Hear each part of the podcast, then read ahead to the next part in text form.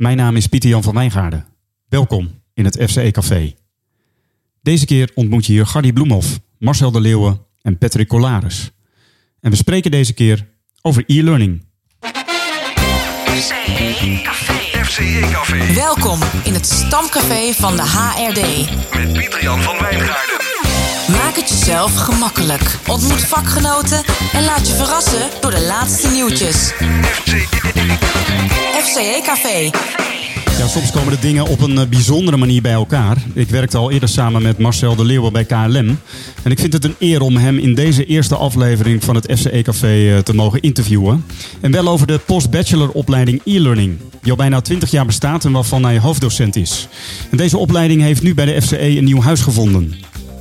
En straks hoor je het gesprek dat ik vorige week met hem opnam. En ook met Gardy Bloemhoff, die een aantal jaren geleden deze opleiding volgde. FCE Café. Ja, ik neem meteen even een eh, kijkje op onze social media kanalen. En ik eh, zie in onze LinkedIn groep meteen iets dat me doet denken aan 11 maart 2020. Dat is de dag voordat de eerste maatregelen werden aangekondigd voor een toen nog tamelijk onbekend virus, namelijk corona. Ik heb mijn eh, onderzoekskeuken opengegooid. En eh, zo'n twintig mensen uit het FCE-netwerk zijn eh, mijn keuken in en uitgelopen. En dat zijn mensen die zelf interviews zijn gaan doen, die mee hebben gekeken met de resultaten die ik vond, die zelf analyses hebben gedaan. En die als een critical friend met enige afstand konden kijken naar nieuwe inzichten die ik opdeed. Ja, op LinkedIn kondigen Suzanne Verdonschot, die je hier hoorde, en eh, Caroline Emmers hun lerend netwerk aan, getiteld Bouwen aan Vernieuwing. En dat is een prachtige spin-off van het onderzoek dat Suzanne op de Lustrum bijeenkomst in 2020 in Ede presenteerde. Straks eh, spreek ik met eh, Patrick Colaris. Hij is een van de leden uit het speciaal voor deze podcast samengestelde panel van FCE Trendwatchers. En ik spreek hem over een trending topic uit ons vakgebied. FCE Café. Met Pieter Jan van Wijngaarden. In het FCE-café zijn eh, aangeschoven Gardy Bloemhoff. Zij is werkzaam als senior adviseur leren en ontwikkelen bij Isala Academie in het eh, Isala ziekenhuis te Zwolle. En ook eh, Marcel de Leeuwen. Hij is hoofddocent bij de leergang postbachelor opleiding e-learning. En hij is ook onafhankelijk e-learning adviseur en trainer. Marcel, jij bent eh, initiator van deze leergang. Of in ieder geval, je hebt hem een eh, jaar of twintig geleden volgens mij eh, overgenomen of gestart bij Fontis. En je bent ook begeleider. Wat ehm, zou je deze leergang eens kort willen omschrijven? Wat, wat ga ik als deelnemer meemaken en beleven als ik instap op deze leergang? Het is een leergang van ongeveer een doorlooptijd van een jaar. Met eh, een, een avond of dertien. In een fysieke ruimte. Maar eh, nou ja, het afgelopen jaar hebben we natuurlijk nu ook eh, online voor een deel verzorgd op afstand. Eh, met een variëteit aan onderwerpen. Dus het is heel erg breed. Het hele veld van e-learning wordt eigenlijk bestreken. Van augmented reality tot en met hoe kun je nou draagvlak creëren. Tot en met mobiel leren. Nou, allerlei onderwerpen van micro tot macro die komen aan bod. En eh, dat doen we, met een eh, groep van experts eh, uit Nederland. vooraanstaand in, in die expertise die ze inbrengen. Dus er zijn een hele hoop gastcolleges ook. En wat een belangrijk aspect is, zijn vier grote opdrachten. Dus mensen die gaan met de opdrachten meteen de link leggen naar hun eigen werkpraktijk. En dat is het uitgangspunt van de opleiding. Kijk eens aan, dus echt uh, verbinding met, uh, met de werkpraktijk ook. En uh, Marcel, ja, ik begreep dat, dat je de leergang dus al een jaar of twintig geleden gestart bent bij Fontis destijds. En het is nu actueler dan ooit, denk ik, hè?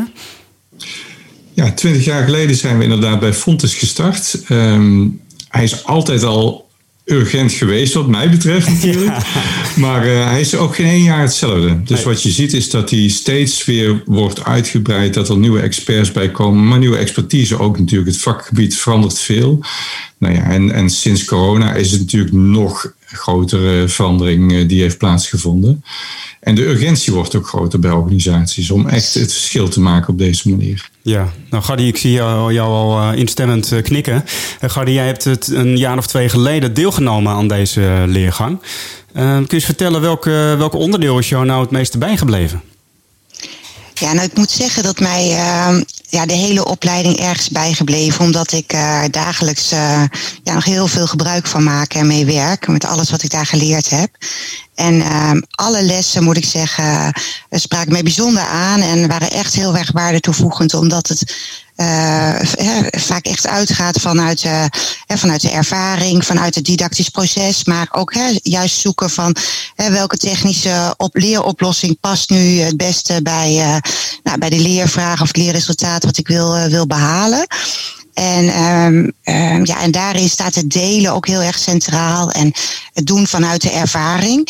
Uh, maar als ik nou een specifiek uh, voorbeeld daarmee bij moet nemen of moet noemen, hè, want Marcel gaf net al aan, hè, dat hele brede scala van digitaal leren komt voorbij, dan is dat performance support hè, of werkplekondersteuning. daarna was ik ook heel erg geïnteresseerd, want hè, binnen de zorg waarin, ik, waarin ik werk, nou, wordt al jaren geleerd op de werkplek. En wij waren heel erg op zoek naar nou, hoe kun je nu ehm, hoe kun je nu dat werkplek uh, leren goed ondersteunen? En hoe kun je dat uh, verrijken? En hoe kun je nou dat informeel leren verder ontwikkelen? He, dus dat, uh, ja. En, ja, dat sprak heel erg aan. Ja, mooi. En je um, vertelt ook over eigenlijk een ja, bijna een soort community of practice die je hebt ontmoet volgens mij. Hè? Met vakgenoten waarin veel kennis gedeeld werd. Uh, klopt dat? Of, uh, en uh, ik kan me voorstellen dat je, dat, dat ook toe leidt dat, dat, dat je een soort netwerk ook opdoet met vakcollega's waar je nog veel mee in verbinding bent. Ja, nee, absoluut. Dat vind, dat vind ik echt een hele grote meerwaarde. Uh, wat ik van tevoren ook niet echt zo bedacht had. Maar uh, juist omdat dit, ja, het is natuurlijk niet nieuw, hè. Marcel is daar al, al jaren mee bezig. Maar voor heel veel mensen ook wel nieuw is. En uh, je niet allemaal zelf het, het wiel wilt uit, uitvinden.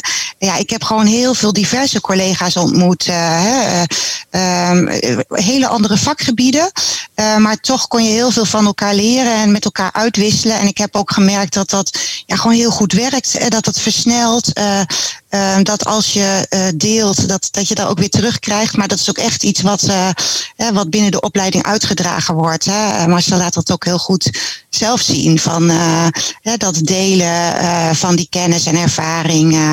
nou ja, gemeengoed is. Ja. En um, en, en ook uh, de docenten, hè, die, uh, die geven les vanuit de eigen ervaring en kennis en delen daar ook veel in. Ja. Dus absoluut. En dat, dat, dat netwerk gebruik ik nu nog voortdurend. en, en, en, en ook buiten de opleiding. Ik heb die opleiding natuurlijk een paar jaar geleden gedaan.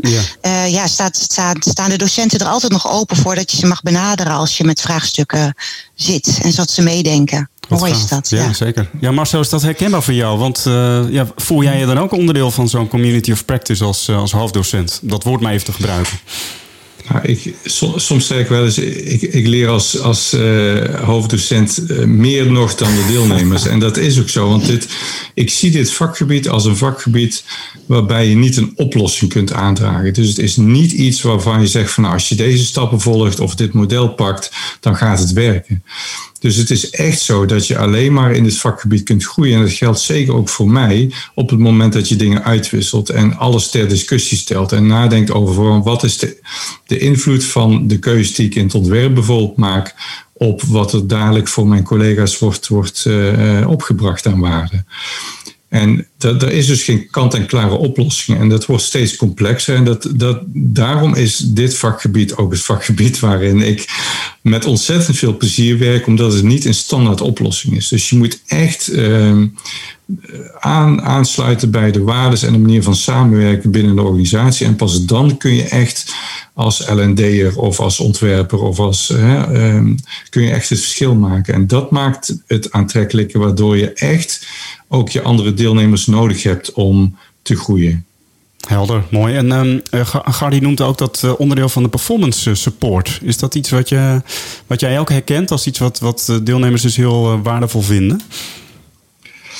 Uh, ja, zeker. En dat sluit aan op voor mijn gevoel een trend dat je niet als LD-afdeling oplossingen zoals een training steeds ophoest. En dat er wordt gevraagd van doe mij een tweedaagse training of een e-learning module.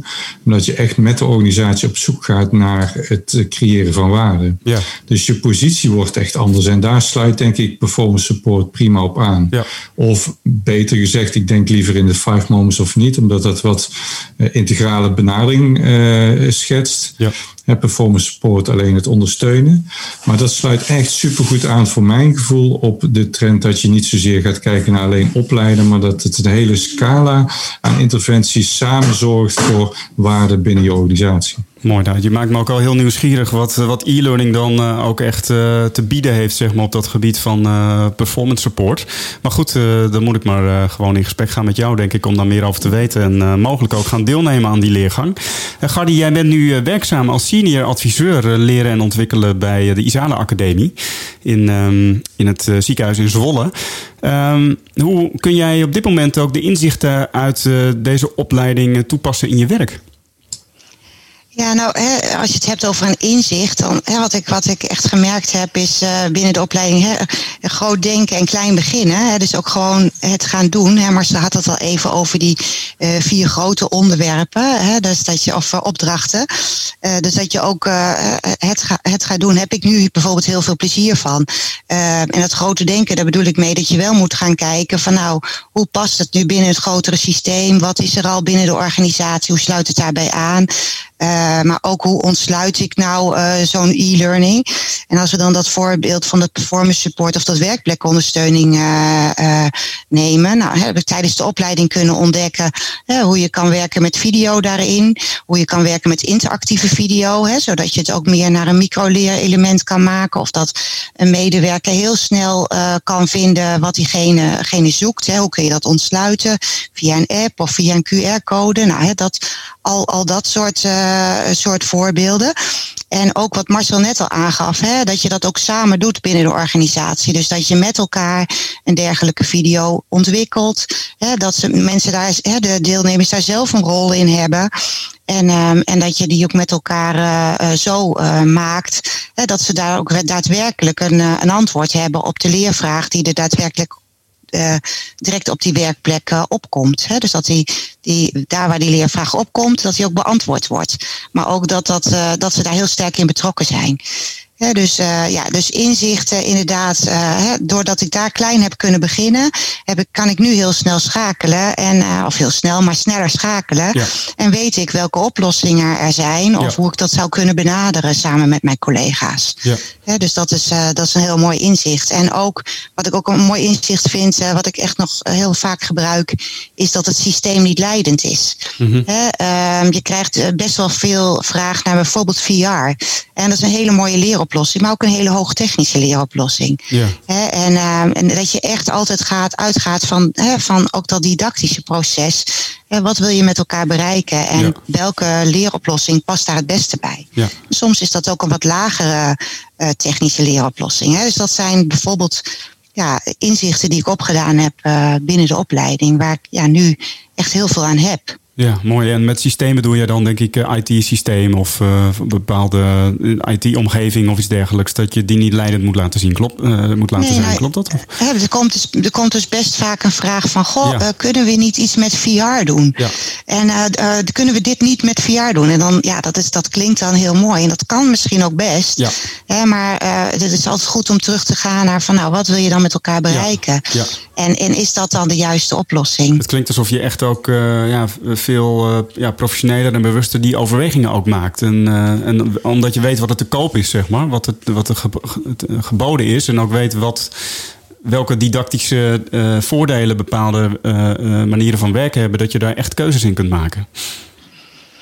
Ja, ik denk, ik denk, dat, dat, ik denk dat het zo is. Ja. Dat je uh, nou, je inderdaad weet wat er mogelijk is. En uh, dat, je, dat je dat ook echt leert. Ja. Hè? Van welke leeroplossing, technisch, hoogtechnisch, laagtechnisch of, of helemaal niet technisch, past Ja. hier nou het beste bij. En ja, daar word je binnen de opleiding is een heel breed scala, zoals Marcel al zegt. En, en ja, dat is mooi dat je daar, daar, mee, uh, ja, dat, daarvan leert. Ja. Marcel, jij wilde reageren volgens mij. Ja. Ja, nou, ik, ik, dat, dat voor mij is er wel de kern dat je echt op een andere manier tegen leren aankijkt. Dat, dat is eigenlijk mijn, uh, mijn grote zoektocht tijdens de opleiding. En soms komen mensen binnen en dan hebben ze als opdracht gekregen om een aantal e-learnings te gaan maken. Oh ja. Uh, hè, en uh, dan komen ze binnen met het idee van e-learning, dat is hun zelfstudiemodule. En e-learning is juist zoveel meer, zoals uh, Gardi net ook al aangaf. Hè? Dus het is ondersteunen op de werkplek en het is het verschil maken. Dus voor mijn gevoel is het heel belangrijk om kritisch daarin te staan, een goede gesprekspartner te zijn voor je opdrachtgevers en je collega's in de organisatie. Maar ook bijvoorbeeld een goede opdracht of een goede gesprekspartner te zijn voor een technische partner. Ja, want die komt heel vaak met een hoop technische uh, elementen die ja. je dan moeilijk kunt plaatsen. En de bedoeling is voor mij om uh, dat iedereen kritisch daar naar kijkt. Uh, kritisch kijkt van is dit nou wel echt wat, we, wat ons gaat helpen? Of is dit een leuk, leuke hype waar we in meegaan, maar wat alleen een hoop tijd en, en goodwill gaat kosten? Helder. Hey Marcel, um, Gardi die werkt dan als senior adviseur uh, leren en ontwikkelen in een ziekenhuis. Wat uh, zijn collega-deelnemers van Gardi die jij tegenkomt in de leergang? Wat, uh, ja, kun je daar iets over vertellen? Ja, er zijn een, een, klein aantal komt uit het regulier onderwijs. Mm -hmm. Dus er zijn onderwijsmakers of ontwikkelaars vaak. Of ja, ook op strategisch niveau binnen een hogeschool of binnen een universiteit. Um, maar de meeste die zijn van, uh, uit de zorg, vanuit uh, de overheid, uh, veiligheidsregio's, commerciële bedrijven. Dus vaak zijn het mensen die op een LD-adviesfunctie zitten of senior adviesfunctie zitten. En op die manier aan de ene kant misschien teams aansturen en daarin meedoen die bijvoorbeeld leeroplossingen gaan maken. En aan de andere kant ook wat meer strategisch advies geven over wat de rol nou kan zijn van, van e-learning binnen bijvoorbeeld het opleidingsbeleid. Helder. En uh, stel dat ik wil deelnemen aan deze leergang, uh, welke stappen moet ik dan zetten en waar vind ik meer informatie? Op de website natuurlijk. Daar vind je een beschrijving. Daar zie je de indeling van uh, de onderwerpen. Daar zie je ook de gastdocenten die aan bod komen. En je ziet daar onder andere ook een aantal um, woorden van Gari, maar ook van andere collega's die al een keer het hebben doorlopen. Dus dan krijg je een, best een goede indruk. En wil je meer weten, dan is het altijd handig om online eventjes een afspraak te maken, zodat we alle vragen en wensen en ambities door kunnen spreken. Om te kijken of het wel echt past. Mooi, dus uh, als ik echt interesse heb, dan uh, sta je ervoor open om gewoon in gesprek met mij uh, te gaan. Om te verkennen van, hey, het past deze leergang ook bij de behoeften die ik heb en de verwachtingen. Ja, zeker. Ja. Is jouw werkcontext, past die daarbij? Ja. Mooi. Um, de website www.corporateeducation.com. En uh, tussen corporate en education staat een uh, minteken of een verbindingsstreepje. Daar vind je meer informatie over de opleiding, uh, of de leergang postbachelor opleiding e-learning. Gardi en Marcel, dankjewel voor jullie bijdrage aan het FCE Café. FCE Café. En inmiddels is hier aangeschoven Patrick Colaris oud deelnemer van de destijds tweejarige opleiding Adviseren en Ontwerpen voor Leren in Organisaties. Patrick werkt als Learning and Development Consultant bij Canon Europe. Maar hij zit hier aan de virtuele cafetafel omdat hij lid is van het FCE Café Panel van Trendwatchers. Trending. Trending topics. Trending topics. Wat zijn de laatste nieuwtjes? Uh, Patrick, uh, hoe maak jij het eigenlijk uh, op dit moment? Hoe beleef je deze coronatijd? Nou, uh, ik maak het hartstikke goed, dankjewel. Uh, ja, om eerlijk te zijn, druk uh, natuurlijk. Want ja, sinds corona moeten wij van classroom training natuurlijk allemaal naar virtueel. Ja. Uh, en dat, ja, dat betekent dat je van alles moet omschrijven. Maar ook dat ja, heel veel mensen ehm, gewoon echt training nodig hebben. Om bijvoorbeeld op dit moment MS Teams, hoe werkt het dan? En nou ja, goed, dan, dan gaan wij ze helpen. En ja, we hebben 15.000 man in het bedrijf zitten. Uh, dus veel training geven, uh, maar ook managers leren hoe ze moeten omgaan met, ja, hoe manage je je mensen als ze de hele dag thuis zitten. En wat ja. betekent dat? Dus, uh, ja. ja. Hey Patrick, ik zie jou zitten achter een waanzinnige ja, radioset eigenlijk. Hè? Dus maak je daar ook gebruik van in je werk? Of wat, een hele professionele microfoon heb je daar staan, een mengpaneel. En, nou, dat is, ziet er allemaal zeer professioneel uit. Ja, ik probeer wel uh, tijdens uh, virtuele trainingen om ook wat meer met muziek, met, met fillertjes en, en dat soort dingen te werken. Sowieso klinkt een goede microfoon beter dan zo'n headset en al helemaal beter dan via, de, via de computer. Ja. Dus we proberen wel met niet alleen audio, maar ook met video steeds meer verder te gaan. Ik wil dat iedereen zijn video aan heeft staan. Maar ik, ik wil ook met achtergrondjes en zo werken. Dus we proberen het zo, ja, zoveel mogelijk professioneel te doen. Ja. want jij bent nu eh, thuis volgens mij. Hè? En is dat ook de plek waar je, waar vanuit je je werk doet, uh, waar je nu zit? Of uh, heb je een andere ruimte daarvoor? Nee, ik zit thuis, maar ik zat ook voor corona al heel veel thuis. Ja. Mijn klanten zitten in, in alle landen uh, in, in EMEA. Dus ik heb mijn meeste klanten in Dubai zitten, of in Zuid-Afrika, of in Engeland. Uh, en ook mijn stakeholders zitten daar. Dus ik, ik heb uh, niks aan het kantoor in Venlo waar wij normaal werken. Daar, daar kom ik wel eens, maar op zich heb ik daar niks te zoeken. Uh, dus ik werkte eigenlijk al nou, vier dagen in de week thuis. En ja, nu vijf. Dus, ja. ja. Hey Patrick, ik heb een leuk fragmentje opgezocht. gezocht. luister eens even mee. Ja, ja, Smooth Criminal ja, van Michael Jackson. Maar voor mij is Michael Jackson toch nog altijd Thriller. En, en dat doet mij denken aan mijn favoriete band, dus Toto. En die heeft die hele LP uh, vormgegeven. En dat weten niet heel erg veel mensen. Toto heeft een belangrijke bijdrage geleverd aan de LP van Thriller. Ja, klopt. Nou, laten we nu dan gaan luisteren naar een nummer van Toto. Ja. is een van jouw favorieten, zeg het eens. Nou, dat is een van mijn favoriete nummers. Ook van mijn favoriete album. Album dat acht Grammy Awards heeft gewonnen in 1982. Dit is Rosanna. Herken jij dit fragment uh, nog, uh, Patrick? Ja, zeker. Ja, ik, uh, wij zaten samen in de studio in Hilversum. Ja. Bij uh, Pierre Papa, als ik me niet uh, vergis. Bij Pierre Papa, dat klopt helemaal, ja. Ja, en ja, mo mooie tijden. Maar we hebben volgens mij al best leuke dingen opgenomen daar ook. En ja, ik denk er nog graag aan terug. Ja, het is... natuurlijk het Appreciative Inquiry-congres waar we radio gemaakt hebben destijds. Oh, ja, dat is je agent inderdaad. Ja, en het, het is een fragment uit 2012 inderdaad. Je was toen te gast in onze podcast uh, KNS On Air. In de studio in Hilversum, zoals je al zei. En ik herinner me nog, nou, dat blijkt ook wel uit dit fragment, jouw enorme muziekkennis. Uh, dus de, dat jij te wist te melden, nou sowieso het aantal Grammys dat uh, Toto uh, had gewonnen met, met deze plaat. Maar ook dat, dat zij voor een groot deel dus de muziek van Michael Jackson in, in, inspeelde. En volgens mij doe je daar nog altijd heel veel mee hè, met die muziekkennis. Ja, ik, ik heb ieder weekend een eh, radioprogramma, drie uur lang terug in de tijd. Waar ik muziek draai van ja, de jaren 60 tot nu eigenlijk. Um, veel rock, uh, en, en, maar ook disco uit de jaren 70. Dus ik heb een hele brede muzieksmaak. En ik probeer daar zoveel mogelijk weetjes uh, aan toe te voegen. En ja, ik vind, het, vind ik leuk. Superleuk. En Toto nog altijd een van de favorieten? Zeker, ja. zeker. Ja. hey Patrick, als uh, trendwatcher van deze podcast uh, wil ik je vragen eigenlijk waardoor jij je op dit moment uh, laat inspireren. Nou, um, omdat we natuurlijk ontzettend veel bezig zijn met virtueel trainen op dit moment. En, en daar nogal wat kwaliteitsverschillen in zien. Uh, ben ik gestuurd op een boek dat heet How to Reboot Training. Dat is van Paul Matthews. Overigens is het een e-book. Dat kun je ook zo van het internet downloaden.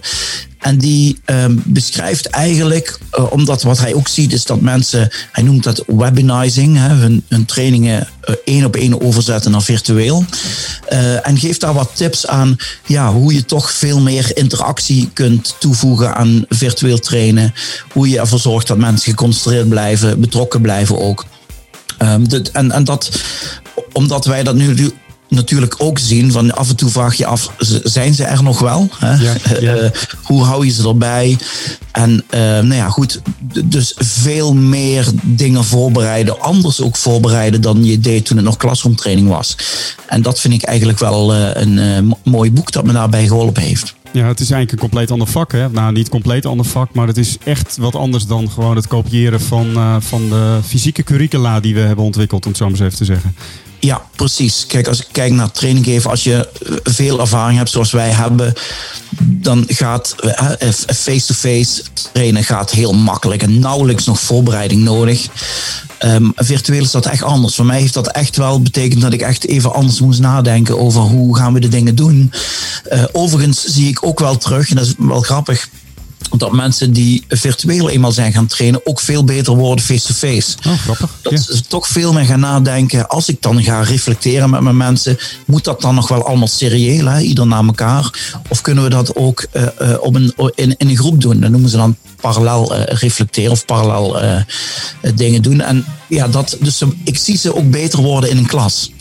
De- dus ja, Ja. ik vind het een enorme, deze tijd, ehm, vind ik een enorme kans voor ons vak. Ja, mooi. Hey, het boek heet dus How to Reboot Training en het is van Paul Matthews. Ehm, Je zegt het is te downloaden via eh, ergens op het web, dus eh, we zullen de link eh, toevoegen.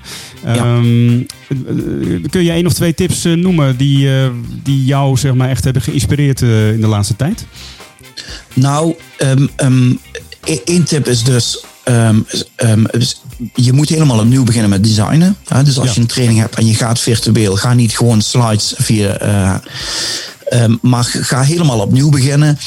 En wat hij eigenlijk ook zegt is, ehm, bij- als je dan toch slides gebruikt, iedere slide moet ook een interactie-element hebben. Ga eens goed nadenken over interactie-elementen, over storyboarding dus. Eh, en ga goed nadenken over hoe, niet alleen hoe organiseer je dat, maar hoe, wat gaat diegene daar ook mee doen straks in zijn werk. En dat is natuurlijk waar wij ook heel vaak mee bezig zijn. Maar hoe ga je zorgen voor die, eh, voor die transfer? Mooi. Patrick Colaris, eh, Learning and Development Consultant bij, Kenneth, eh, bij Canon Europe. Uh, dankjewel voor het delen van jouw inspiratie. En we horen je graag terug in een van de volgende edities van het FCE Café. Jo, graag gedaan. Dank voor het luisteren naar het FCE Café. Ik hoor graag wat jij vindt van deze podcast. Heb je ideeën? Wil je zelf een keer langskomen in het FCE Café? Laat het weten. En dat kan via LinkedIn in de groep FCE Vakmanschap in Ontwikkeling. Of bijvoorbeeld via Twitter. Via onze accounts FCE Leren. Of mijn eigen account PJ van Wijngaarden. Blijf leren, blijf luisteren. Over twee weken is er weer een volgende editie van het FCE Café. Dag! FCE Café.